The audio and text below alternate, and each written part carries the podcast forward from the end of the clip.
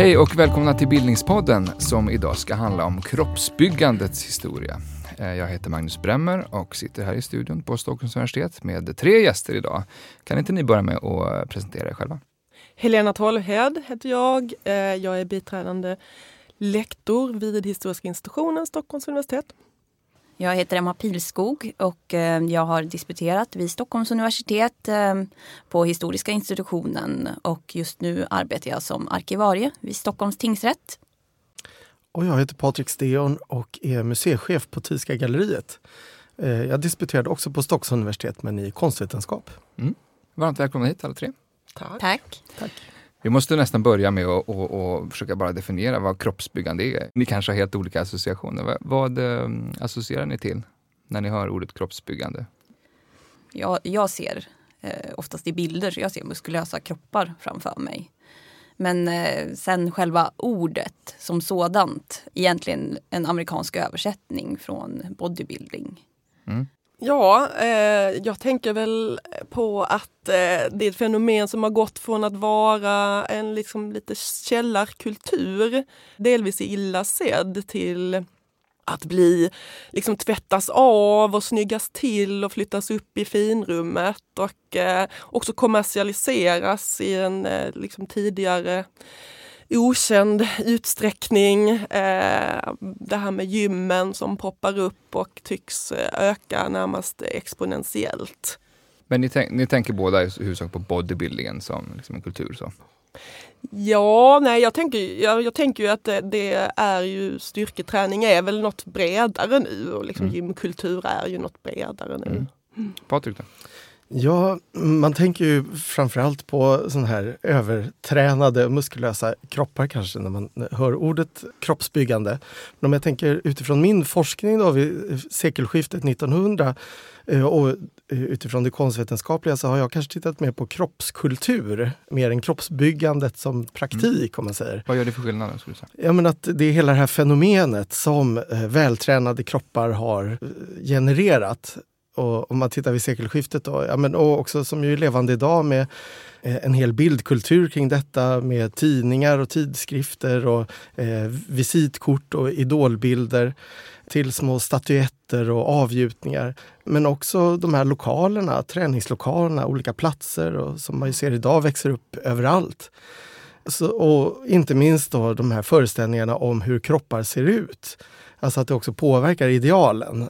Så det är också ett kulturfenomen som är ganska stort kring den här praktiken att liksom systematiskt försöka forma sin kropp. Mm. Ja, alltså, ni är ju alla tre här idag för att ni har forskat om muskulösa kroppar lite från olika perspektiv. Så hur kom det sig att ni blev intresserade av era olika ämnen? Ja, jag, min avhandling heter ju Nakna män, så det var nakna män som var mitt huvudsakliga intresse.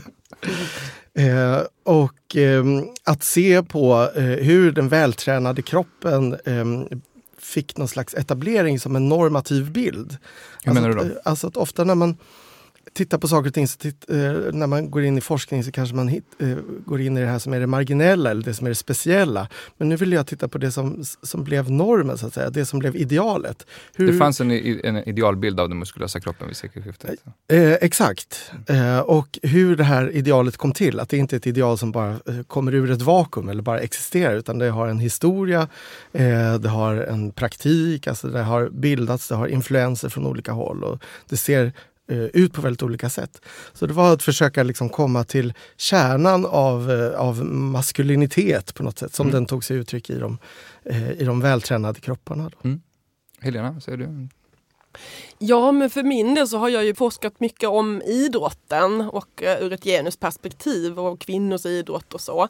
Och specifikt utifrån det intresset så börjar jag också titta på det där med kvinnors styrketräning.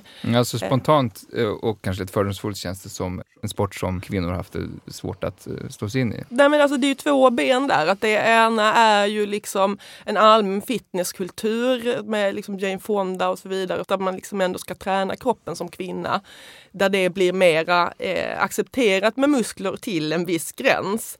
Det andra benet är ju den professionella professionella eh, bodybuildingen och det som genusforskare är det, är det väldigt intressant det här liksom hur man då väldigt explicit talar om och debatterar. Ja, men hur mycket muskler ska det egentligen, är, är egentligen okej okay? och hur ska vi väga in femininitet i bedömningen i den här sporten? Mm. Emma, du har ju forskat om kraftsporter, tyngdlyftning ja. och boxning. Ja, jag, jag är ju framförallt väldigt intresserad av kropp och kroppslighet i relation till olika maktkategorier. Um, och det var med den ingången mycket som jag började studera det här. Säg något mer om vad det innebär. Uh, hur en idealkropp ska se ut och uh, hur mycket muskler en kropp ska ha. Det har ju även gällt uh, maskulinitet och maskulina normer kring hur, hur en eh, muskulös manlig kropp bör se ut. Mm. Och det är många gånger kopplat till olika klassföreställningar. Eh, men kanske också för att återknyta till det här ordet med kroppsbyggande. Det som Patrik pratar om när han pratar om den här kulturen som uppstår kring sekelskiftet. Jag kanske skulle använda begreppet kroppsbildning eh, istället för kroppsbyggande för att beskriva den här vad ska man säga, kulturen av eh, träning och eh, ideal när det gällde kost och livsföring. Så inte bara det här att bygga en så muskulös kropp som möjligt, vilket inte bodybuildingen heller gör i sig, utan det är också en hel kultur av, av eh, idéer kring kost och så vidare. Men ja. Mm. Massa spännande trådar där som vi kan ta upp under den närmsta timmen här. Men i hur, hur hög grad är det här en historia om just manliga kroppar, om vi ser det längre tidsperspektivet? Jag skulle säga att det hänger mycket ihop med föreställningar om maskulinitet, eh, de vältränade kropparna. Och man kan ju alltså det man, om man tittar bakåt i historien så är det väl antiken som man eh, först och främst eh, tänker på. Även om till och med i egyptiska, alltså de här eh, i pyramiderna, de bilder som finns där, så finns det också skildringar av muskulösa kroppar. Men de är mer schematiserade och förenklade. Sådär. Men eh, antikens eh, skulpturer och verkligen eh, besatthet nästan utav den nakna kroppen och framförallt den eh, manliga nakna kroppen eh, är ju det som är någon slags utgångspunkt för den västerländska fascinationen för det här i alla fall. Och eh, redan där så var det ju den här könsuppdelningen, alltså att det är män som tränar för att andra män ska titta på det. så att säga. Mm. och det är för andra män som de här idealen visas fram. Och det här blir ett sånt starkt eh, ideal då också i konsten, alltså, som ju gör att eh, den antika eh, vältränade nakna kroppen blir ett ideal fram till och med sent 1800-tal mm. i konsten och i populärkulturen överhuvudtaget. Skulle du kalla det en machokultur redan i Grekland? Eller? Eh, det skulle man säkert kunna säga till, till, någon grad eftersom den är så väldigt eh, mansdominerad och liksom eh, odlar liksom manliga kategorier, om man säger, eller manliga egenskaper mm. eh, som hyllas. Eh, då. Vad, vad, säger ni andra? Var finns undantagen i den mer moderna historien? Jag tänker den arbetande feminina kroppen, till exempel pigor eh, som faktiskt har varit starka i, ja, inom byggnadsindustri, mursmäckor. Mursmäckor? Det är helt enkelt kvinnorna som bar upp eh, sten och murbruk och så vidare mm. till eh, de murande männen. Så i, i, i historien så finns det undantag? Mm. Ja, mm. och eh, även under till exempel 1700-talet så finns det ju källor. Också när pressmediet börjar utvecklas så kan man se källor där det faktiskt finns eh, exempel på kvinnor i kringresande cirkusar och så vidare som utför typiska kraftdåd och lyfta saker och utmana män ur publiken och så vidare. Mm. Så det finns exempel på det här. Mm. Ja, jag tänker på eh, vad det gäller den professionella bodybuildingen att det hade ju en viss så här lite gay-stämpel, i alla fall i USA. Eh, kanske inte lika mycket i Sverige, men eh, som Arnold Schwarzenegger framförallt gjorde ganska mycket för att så att säga tvätta bort eller liksom att eh, heterosexualisera sporten helt enkelt och heterosexualisera de här eh, muskulösa kropparna då. För, och för de av våra, av våra yngre lyssnare som kanske bara associerar Arnold Schwarzenegger till amerikansk politik och eh, guvernören i Kalifornien. Han var alltså en kroppsbyggare och en skådespelare under många år också.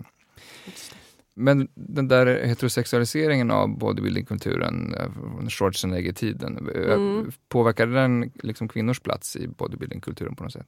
Ja, det var väl kanske andra saker som hände på 70-talet som påverkade. Eh, Det är ju andra vågens feminism och jämställdhets eh, genomslaget för jämställdhet och det påverkar ju idrotten generellt och det påverkar också då, det är ju också det jag ser som bakgrunden till att 1980 så, så inför man ju en Miss Olympia då som, som liksom att motsvarar Mr Olympia som var den titel som Arnold Schwarzenegger just hade, hade där på 70-talet.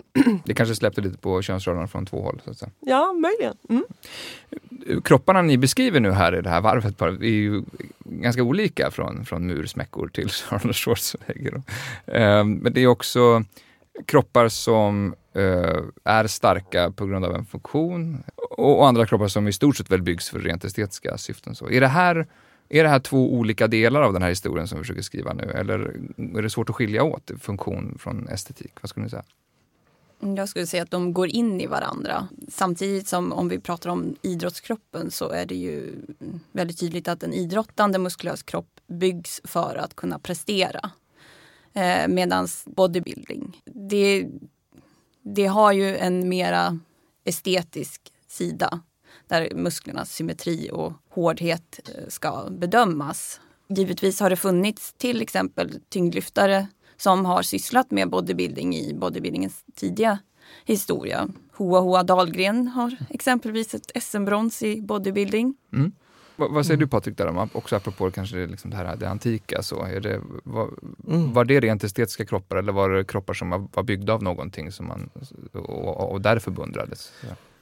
Nej, men, ehm, eh, idrotten blir ju på ett sätt sin egen, eh, den genererar ju eh, det här utseendet på ett sätt. Men sen så är det ju så att eh, kroppen Eh, kroppen är ju aldrig neutral om man säger, utan att eh, oavsett hur man tränar så blir det ju någon form utav det.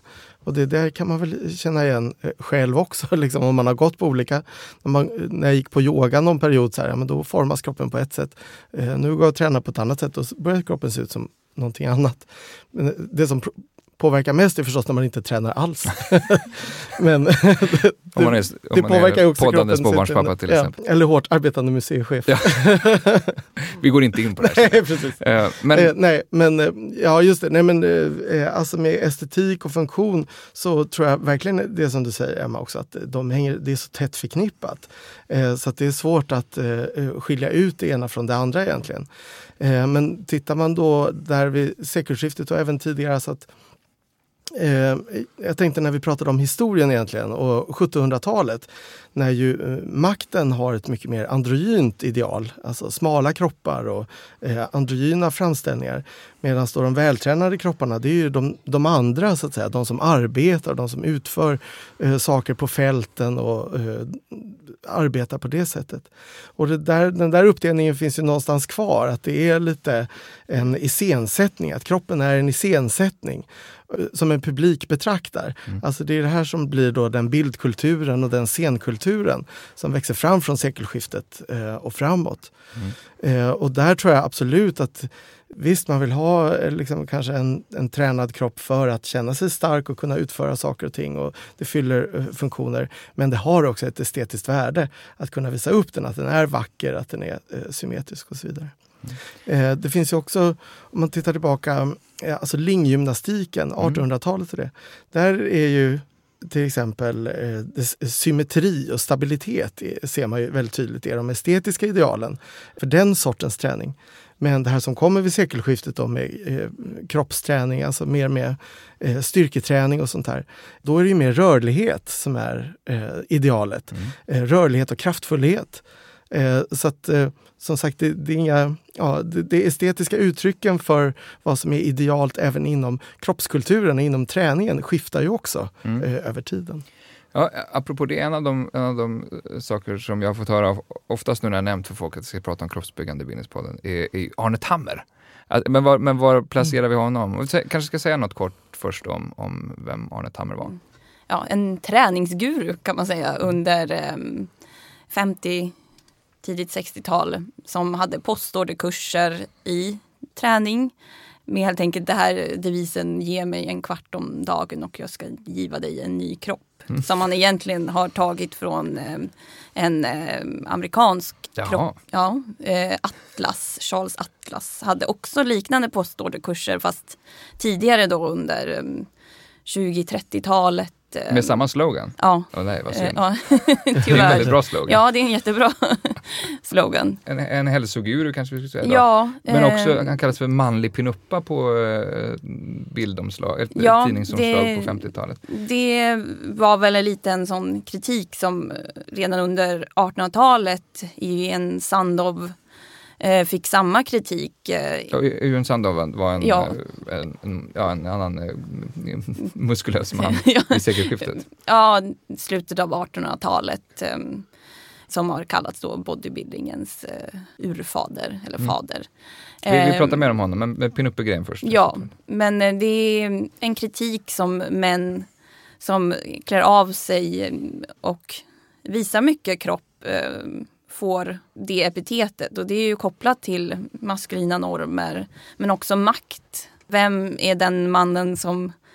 Eh, framförallt så skulle, var det ju andra män som skulle betrakta de här kropparna som Patrik har pratat om. Men det handlar också om vilken man har makt att betrakta den här eh, andra mannens kropp.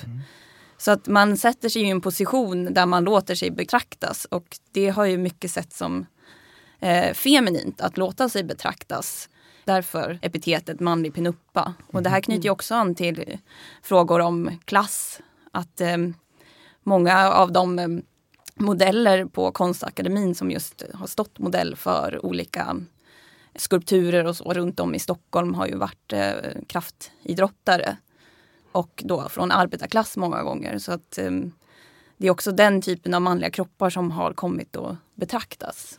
Men vad var, i vilka sammanhang visade Arne Tammer sin kropp? Det var mer som marknadsföring för sina kurser eller? Ja, Mm. eh, så att det är väldigt tydligt kopplat till en kommersialism också. Att marknadsföra eh, den här estetiskt tilltalande kroppen då enligt normerna och eh, sälja sina kurser och eh, kostrådgivning och så vidare. Man skulle kunna göra det här i sitt hem utan och vikter och sånt. Ja, precis. Och det ska ju, kan ju betona det att Arne Tammer tyckte inte om bodybuildingen. Han tyckte den var för överdriven. Att det var för överdrivet muskulöst. Eh, Det har ju, man kan ju också dela in den här kroppsbildningen eh, och kroppsbyggandet då i olika typer av kroppar. Där det finns en kropp som var mera spänstfull eh, och med mera smala, långa muskelfibrer än det här mera bulkiga och Arne Tammer hade ju mera de här smala musklerna. Och eh, det, det har setts kanske mer som den eh, borgerliga idrottskroppen. Medan eh, de mera bulkiga musklerna har kopplats till en stark eh, arbetande kropp. Mhm. Många gånger. Vi får komma in på det lite mer. Helena, vill du kommentera det här? Jo, men och det handlar ju också om det här med fåfänga som då har betraktats som omanligt. Att överhuvudtaget vilja Eh, bygga sin kropp på ett sätt som tilltalar, eh, som är tilltalande att titta på och att liksom titta på sig själv, det här självbespeglandet, att det kopplas till femininitet då. Och jag har ju tittat på svenska bodybuilding-tidningar från eh, 60-talet och fram till idag och eh, då ser man ju hur de i början då försöker ansluta väldigt mycket till ett folkhälsoprojekt. Eh, och att man också anar att det finns en samhällsdebatt och en samhällskritik i någon mån då för att man kommenterar hur pressen har skrivit om muskelknuttar och, och, och sådär och att man är väldigt då eh, harmsen över detta eh, och argumenterar emot och att eh, man vill lansera sig som en folkhälsosport och sådär. Eh, och den, sen försvinner den typen av argumentation under de kommande decennierna. Att man, man, man mera så att säga bejakar det här och eh, man, man pratar fortfarande om hälsa men, men inte, kan- inte om folkhälsa. Okej, så att det, det växer inte fram som en, som en något rakt motsats till den här liksom, linggymnastiktraditionen, folkhälsoprojekten så? Eh, när det gäller just eh, folkhälsa och eh, legitimering av den muskulösa kroppen. Så mm, när bodybuildingen började komma till Sverige och, på 40-talet eh, så använde man just mycket folkhälsoargumenten som ett sätt att legitimera idrotten eh, som sådan, legitimera kroppsbyggandet. Eh, så det, det är ju intressant då att man eh, under 80-talet väljer att inte göra det. Sen är det ju kanske då, om vi går en, hoppar ända fram till idag, intressant att, eh, att bodybuildingen mer nu går mot att betona hälsa och folkhälsa igen. Och mm. kanske mera välja att eh, bygga en funktionell kropp. Jag tänker till exempel på Athletic fitness där det faktiskt ingår ett konditionsmoment och styrkemoment i själva tävlingen tillsammans med bedömning av mm. kroppen. Just det. Och även sånt här som crossfit och så mm. som har blivit eh, populära. Det är ju, det är ju angränsande fenomen så, och nischer som, mm. som växer fram på något sätt. Mm. mm. mm. Men det är väl lite mer liksom ett personligt eh, motionerande för liksom, eh, det skiljer sig inte det från liksom, det här uppvisandet av kroppen? Så. Jo, alltså det skiljer sig ju eftersom det, det är inte en bedömningssport av, av musklerna. Men, men mycket eh, idrottslig kultur idag bygger ganska mycket på uppvisandet av en muskulös kropp. Kanske inte under själva prestationen, att det är en bedömningssport av, av en muskulös kropp. Men eh, det är ju mycket en liknande dynamik där det handlar om att visa upp mm. kroppen. Mm. Och gymkulturen kanske är något som man kan, man kan gå till gymmet av massa olika skäl. För massa olika mm. mm. Men, men eh, jag kan inte riktigt släppa den här Eugen Sandow. Kan vi inte säga någonting mer om honom? Um, just, dels vem han var och varför han just kallas för bodybuildingens fader så tidigt. Ja, Eugene Sandow var ju, han, hans bakgrund är lite oklar faktiskt, men någon slags tysk-brittisk eh, bakgrund i alla fall. Och han slår Var var han verksam? Eh, han var verksam först i Tyskland men sen i Storbritannien och sen hade han hela världen som sin mm. eh, arena kan man väl säga. Mm. Eh, för han blev ju känd som världens starkaste man eh, vid sekelskiftet 1900, typ 1890-talet. Eh, och han ger ju ut flera böcker eh, där han berättar om sina metoder, hur man går tillväga. Han säljer ju faktiskt också eh, postorderlektioner eh, eh, redan på sent 1800-tal så att man kan träna privat hemma för att uppnå den kroppen som han hade. Och han sa också ge mig en kvart om dagen? Nej. Det vet jag faktiskt inte om han sa precis just så, Nej. men han hade säkert gärna velat ha en kvart om dagen. Och det som ju han symboliserar är då den här nya sortens kropps, kroppsideal och det nya träningsidealet.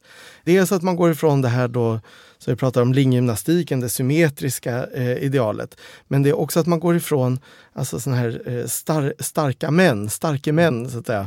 Mm. Eh, som ju ofta... Lite cirkusversionen. Precis, de var ju ofta starka för att de var så stora. Det är liksom voluminösa kroppar, de är inte liksom vältränade egentligen men väldigt kraftfulla och starka. Medan hans kropp är ju liksom vältränad och smal eh, men ändå otroligt effektiv. Och det är här som det blir en koppling också till, till moderniteten. Eh, alltså det, den nya kroppen då som ska passa in i det, i det moderna samhället, som ska vara vältränad och effektiv eh, för att fungera. Mm. Eh, så, och han blir ju då ett ideal och hans bilder eh, slår igenom otroligt mycket. Eh, han, har, han går ju till eh, porträttfotografer, alltså fotograf, fotografateljéer som han går till och han fotograferas både i England och i USA och, och på olika ställen. Och det här blir fotoserier då som dels Eh, publiceras i de här böckerna han ger ut, men också som eh, idolbilder, alltså som visitkort som eh, cirkulerar. Sådär också. I högre grad än vad Arne Tammer gjorde? Eller? Det här, det här är ju kring 1900. Mm. Så att, ja, ja, jag tänker den här tidens... balansen mellan att vara, eh, visa sin kropp och visa så här kan ni också se ut om ni tar min kurs till mm. att bli liksom ett estetiskt objekt nästan, eller min pinupan. Ja. ja, han alltså, är ju en alltså, förebild på det ja. området skulle jag säga. Och eh, på samma sätt så fick ju eh, Sando kritik för att han eh, visade sin kropp, mm. avklädd kropp inför eh, män men också att det fanns kvinnor i publiken. Vilket kan ses som feminiserande då. Hur, hur då menar du? Att låta sig betraktas halvnaken av kvinnor var någonting som sågs som eh, ja, ett sätt att eh, göra avsteg från den borgerligt klädda maskulina kroppen. Det är ju skandalöst ja. egentligen. Alltså vid den här tiden är det en skandal. Mm, mm. liksom. Men det är också intressant för att Eh, till exempel den fotografen som han anlitar i eh, New York som heter Sarony, han är teaterfotograf så, och som också fotade kvinnliga pinuppor. Och tittar man på de här uh, bilderna så är det ju mycket så här tung sammet och palmer och djurhudar och sånt där ja. som också dyker upp Precis. i pinup-bilderna. Så att den visuella kulturen där är oerhört... Och sättet att posera också exakt. med handen bakom huvudet och lite sådär. Det. Eller hur, så mm. pinuppan och liksom, äh, atleten de delar mm. visuella koder mm. i flera olika aspekter mm. vid den här tiden. Eh, och sen en annat, eller ett sätt att legitimera den nakna kroppen det är just att referera till antiken. Eftersom antiken var liksom, det står för skönhet, det står för moral, det står för alla liksom upphöjda värden. Så, där. så um, när de, de här atleterna också då rakar av sig allt hår på kroppen, pudrar sig med kalk eller puder så för att se vita ut. Och så står de på podier, eh, de kanske har sandaler eller någonting sånt där. Alltså, de ser ut som levande antika skulpturer. Och det var ju en egen genre mm. eh, också, att kunna visa upp sig som i, i en påse av diskuskastaren eller någonting i den stilen. Eh, och det är ju också en uppvisning av kontroll, att man kan mm. kontrollera musklerna eh, så att det ser precis likadant ut. Men också en legitimering. Det här, det här är upphöjd konst, det här är inte vanligt eh, snusk att titta på en annan Nej. naken kropp, utan det här är som konst. Och de nakna eh, manskroppar som du studerar i den här tidens bildkonst, är det Sandow-typer? Absolut. Och Sandow dyker ju upp i den svenska bildkulturen kring nakna män här vid sekelskiftet 1900 också.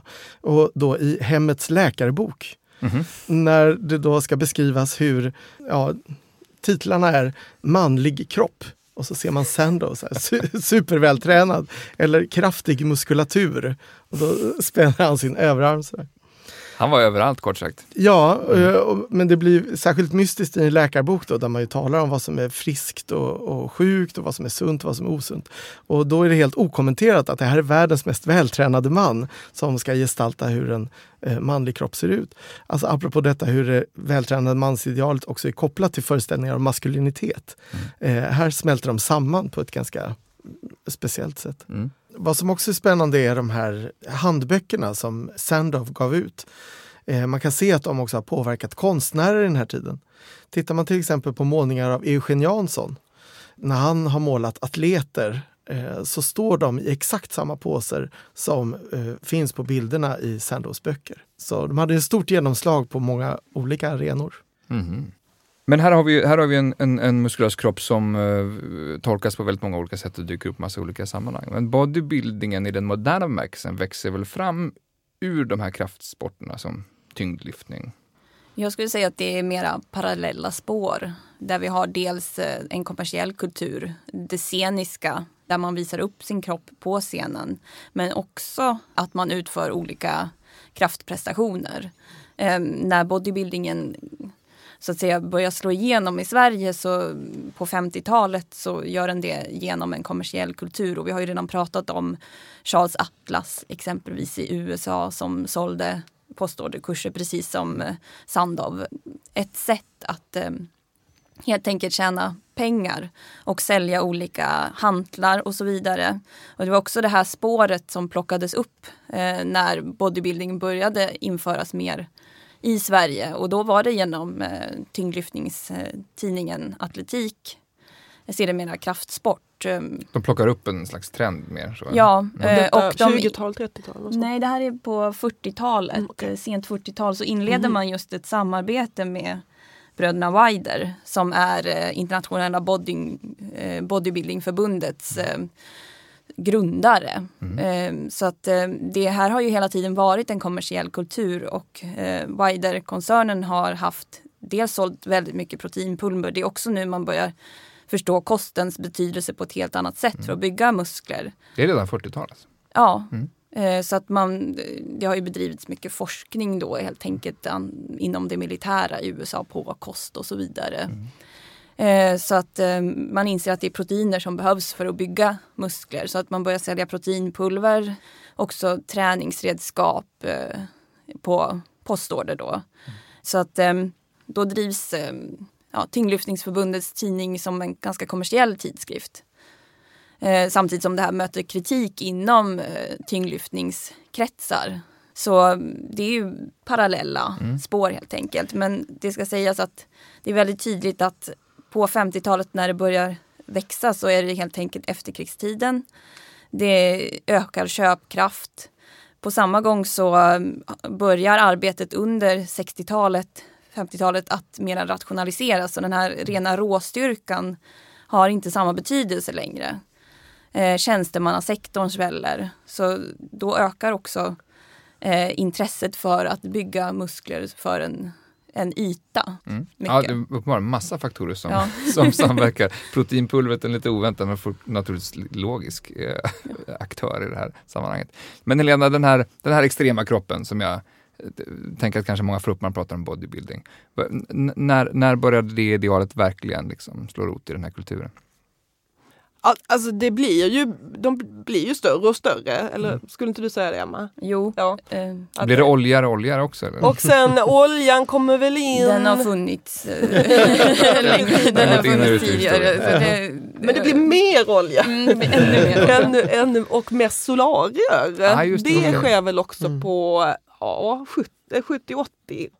Så att det blir ett ideal att man ska vara solbränd och extremt solbränd som det ju fortfarande är idag. Alltså man ska vara extremt solbränd. Mm. Samtidigt så blir det ju den här doping eh, också. Liksom.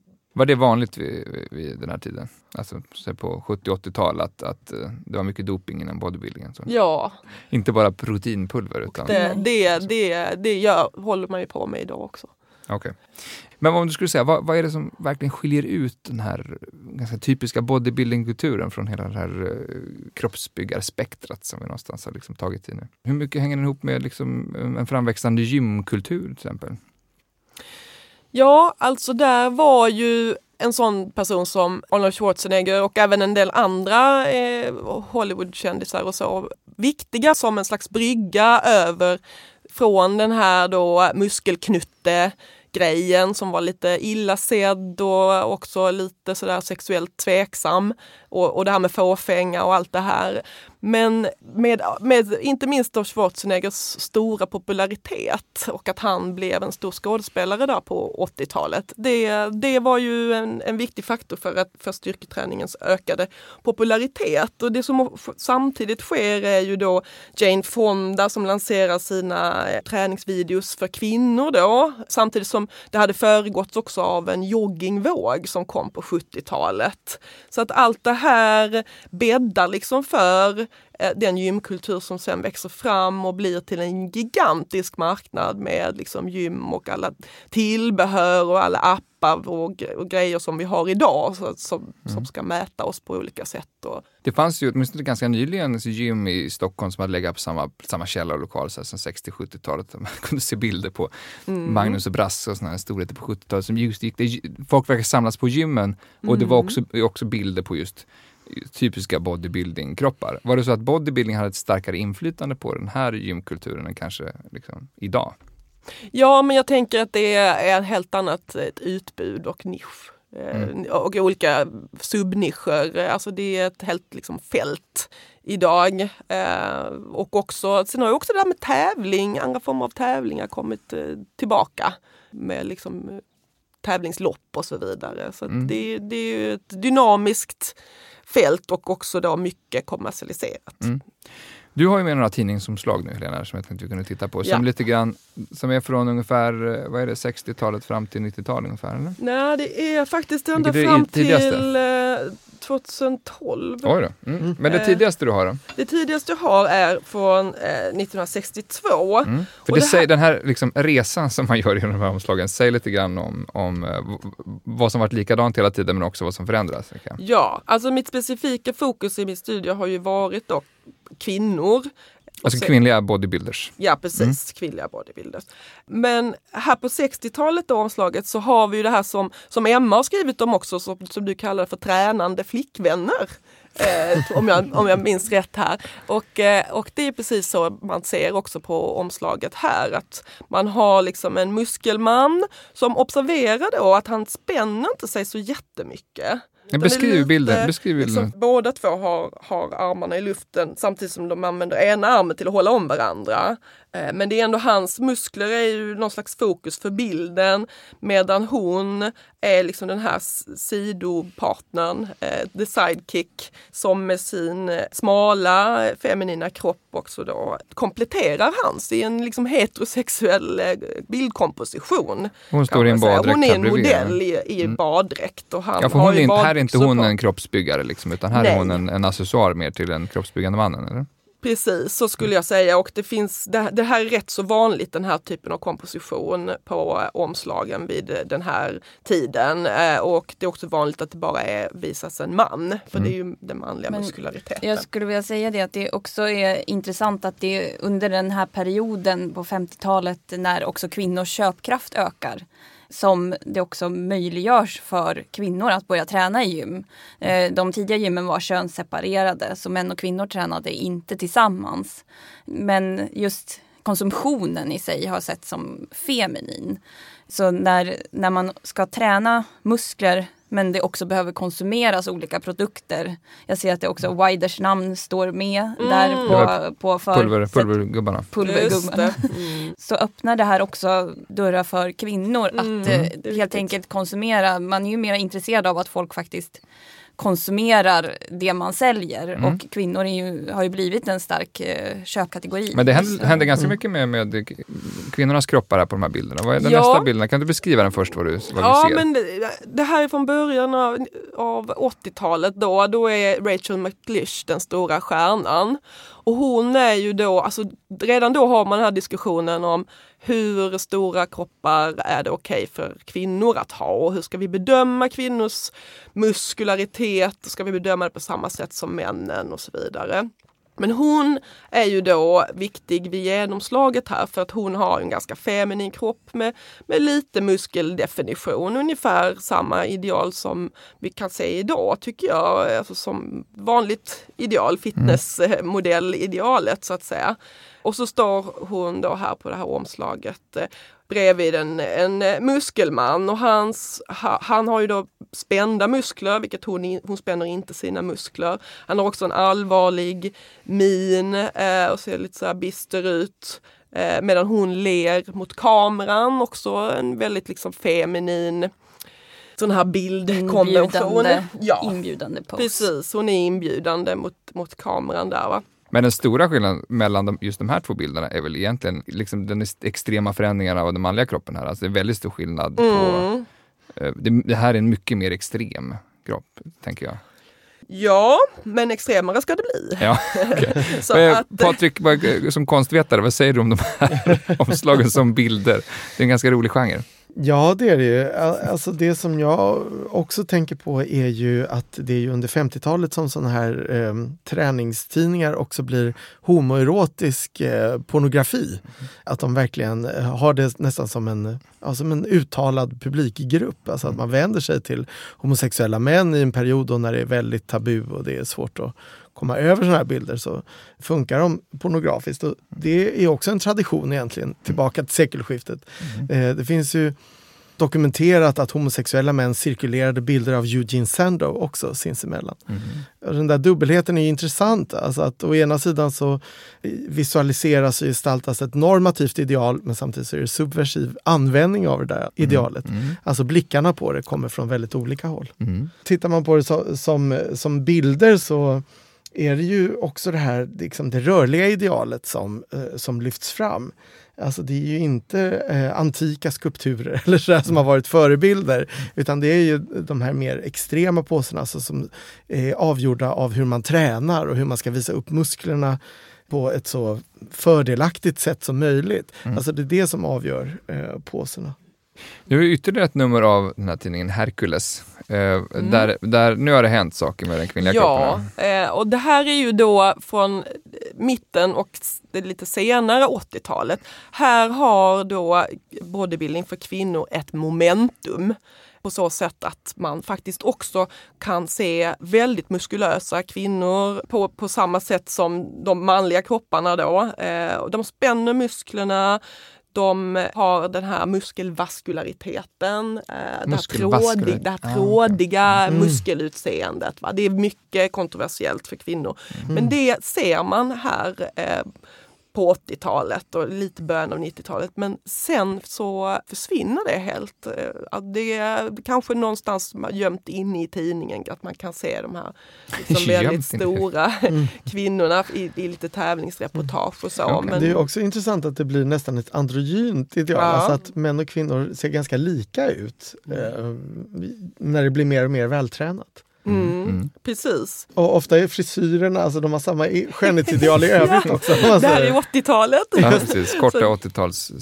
spret. liksom, alla har hockeyfrissa på något sätt. Någon variant av hockeyfrissa. I modern bodybuilding, så, alltså nutida, så, så är det ju mycket fokus ändå på långt hår, alltså hos kvinnor och mycket smink. Och många har faktiskt problem med det här att man Silikon. tränar bort eh, brösten. Mm, mm. Eh, för de försvinner ju när man tappar fett eh, som man behöver för att få definierad kropp så försvinner ju också brösten. Mm. Så många just eh, känner sig tvingade att spruta in silikon. För det, det är just den där dubbelheten med att man behöver ha någon form av feminint yttre. Man, trä, man, man visar upp sig glittriga bikinis och eh, i fitness har man ju högklackat också. Vilket man inte har i bodybuilding för kvinnor. Men, men eh, Det ställer den traditionella eh, liksom, kvinnligheten och kvinnor Mm. Ja. Ja, det är ju på sin liksom, spets lite grann. det är ju, det är ju, och det, det är också påtagligt i de här tidningarna som jag tittat i då under, under decennierna eh, från eh, 70-talet så har man ständigt den här diskussionen om hur, hur, hur mycket muskler är okej för, för kvinnor och hur ska vi... Och det, det, det som blir så spännande är ju att man försöker också då fånga och koda ner det här. Vad är då det här feminina för någonting och hur ska, hur ska det in i domarprotokollet och hur ska det in i bedömningen? Och då får, hamnar man ju i problem, de där problemen som kommer av att det är ju ett kulturellt och liksom undanglidande fenomen och det konfronteras de ju också med och försöker liksom Eh, och här finns olika röster och här finns de som menar att liksom, det här är en sport som kan utövas av män och kvinnor och det ska bedömas på samma sätt. Och så finns det andra som menar att det här är ju anstötligt att se helt enkelt. Det här vill vi inte se. Så att det som, det som blir, sen har vi en period här när det är väldigt mycket på 90-talet, då blir liksom hela den här tidningen väldigt sexig. För det som händer på, på 90-talet, om, man- om, om man säger så här, om man tecknar utvecklingen som att det finns ett momentum där mot mitten och slutet av 80-talet för kvinnors bodybuilding när man liksom tänker att ja, men det här är är ett modernt fenomen ändå och liksom, vi har jämställdhet och allt sånt där. Men sen på 90-talet, delvis på grund av eh, det här att det blir väldigt eh, mycket prat om doping och hela sporten blir liksom lite misstänkliggjord men också för att fitnessfältet börjar växa fram. Också delvis som ett svar på detta att de här kvinnokropparna har liksom blivit så stora så att man kan inte längre, man klarar inte av det längre. Om man ska se det här ur en kulturforskarsynvinkel så är det den dynamiken som framträder. Att för 1995 då så startar man det internationella bodybuildingförbundet. De startar eh, fitnesstävlingar och det ska ju vara då ett tydligt alternativ för kvinnor som vill visa upp sina kroppar men som inte vill vara så där stora som i den professionella kvinnliga Det bodybuildingen. öppnas som Då. ett alternativ men det är lite grann också, de trängs ut åt det hållet. Också. Absolut, absolut. De här bilderna är ju också lite mer eh, naturliga om man säger. Alltså att de befinner sig ändå eh, vid någon pool och det är Mm. palmer runt omkring, det är på en strand.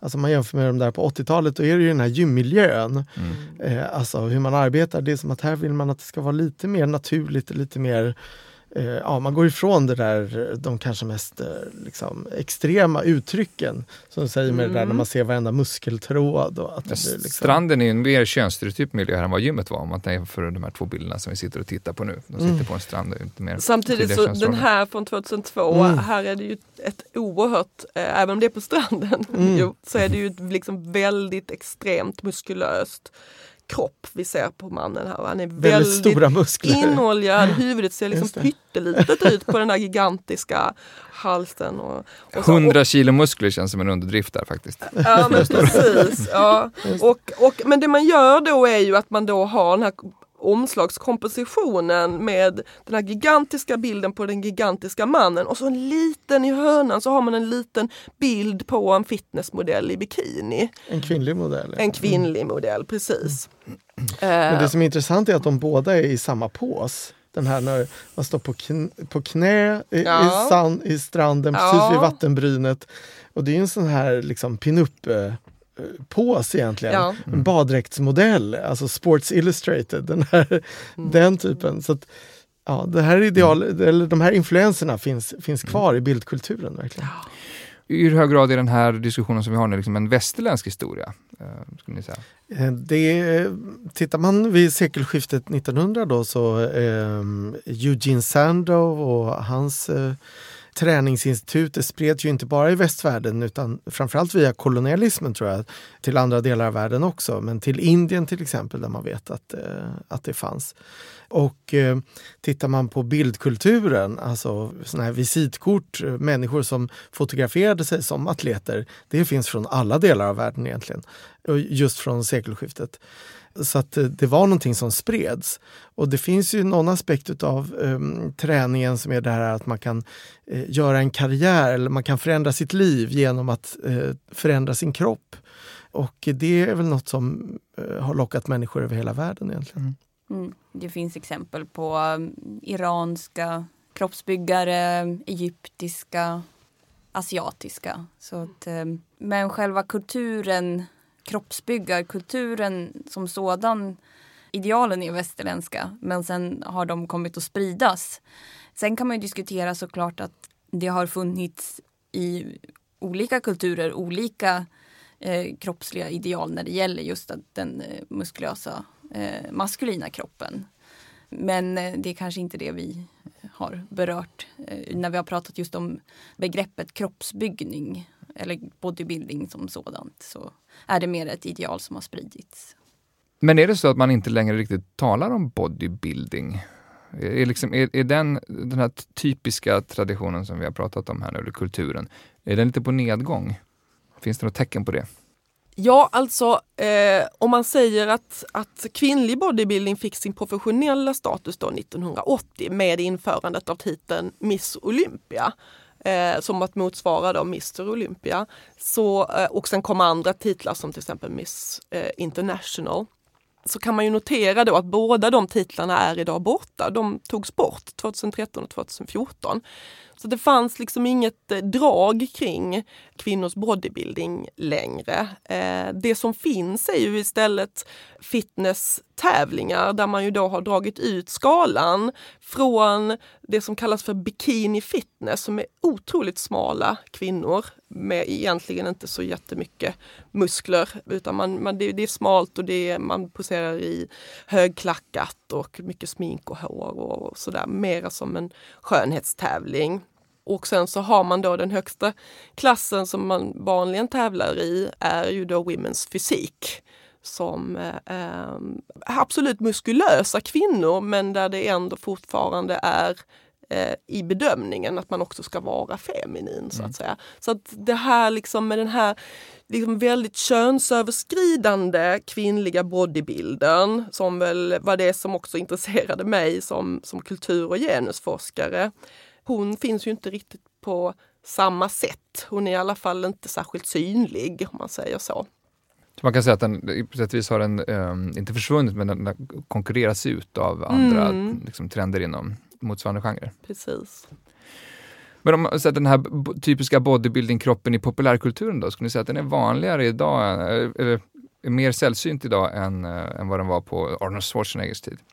Jag skulle säga att träningskulturen har eh, smugit in i alla kulturella uttryck idag. Den finns överallt i populärkultur och på filmer. Liksom skådespelare ska vara vältränade och eh, säg den som inte går på gym idag. Alltså det, jag tänker att det är, men däremot att man kanske inte ser lika mycket av de här enstaka extremt vältränade eh, bodybuildarna om man säger. Det, Stora liksom. Nej. Precis, eh, det är kanske inte lika eh, åtråvärt längre men att alla ska vara vältränade det är definitivt en trend skulle jag säga. Om ni säger något om, om kroppsbyggandets framtid, kommer vi se ett uppsving just för kanske en viss kroppstyp som sticker ut från den här väldigt homogena bilden som ni är nu? Om, vi, om vi pratar om tävlingssammanhang så skulle det vara kul med, med att kunna också se en större mångfald. Och på det så var det ju i den här de där som gjorde det där att de skickade 20 eh, fejkade artiklar till eh, kulturtidskrifter för ett tag sedan innan här i år. Academic Grievance Studies mm pratade de om då och var väldigt kritiska till vad som publicerades i de här kulturtidskrifterna. Det var för att sticka hål lite grann på den, den postmoderna akademin som eh, precis. släpper igenom vad som helst. Just det, mm. precis. Mm. Att, att visa, visa på låga kvaliteten. Mm. Och då är det ju bland annat en artikel som har rubriken Fat bodybuilding. Och det tänkte mm. jag, men gud det är ju en skitbra idé.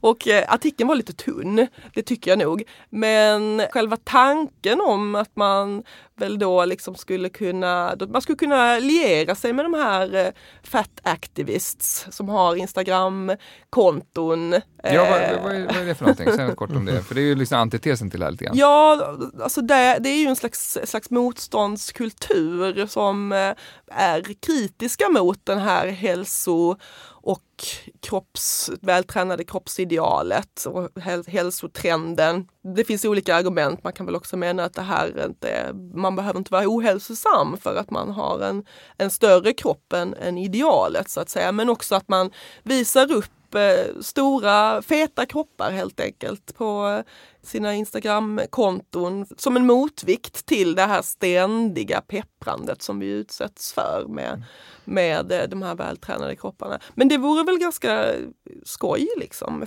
om man kunde i så fall, sen kan man ifrågasätta om man överhuvudtaget ska liksom tävla i kroppsutseende eller alltså det finns, det finns massa eh, ingångar och vinklar på det här givetvis.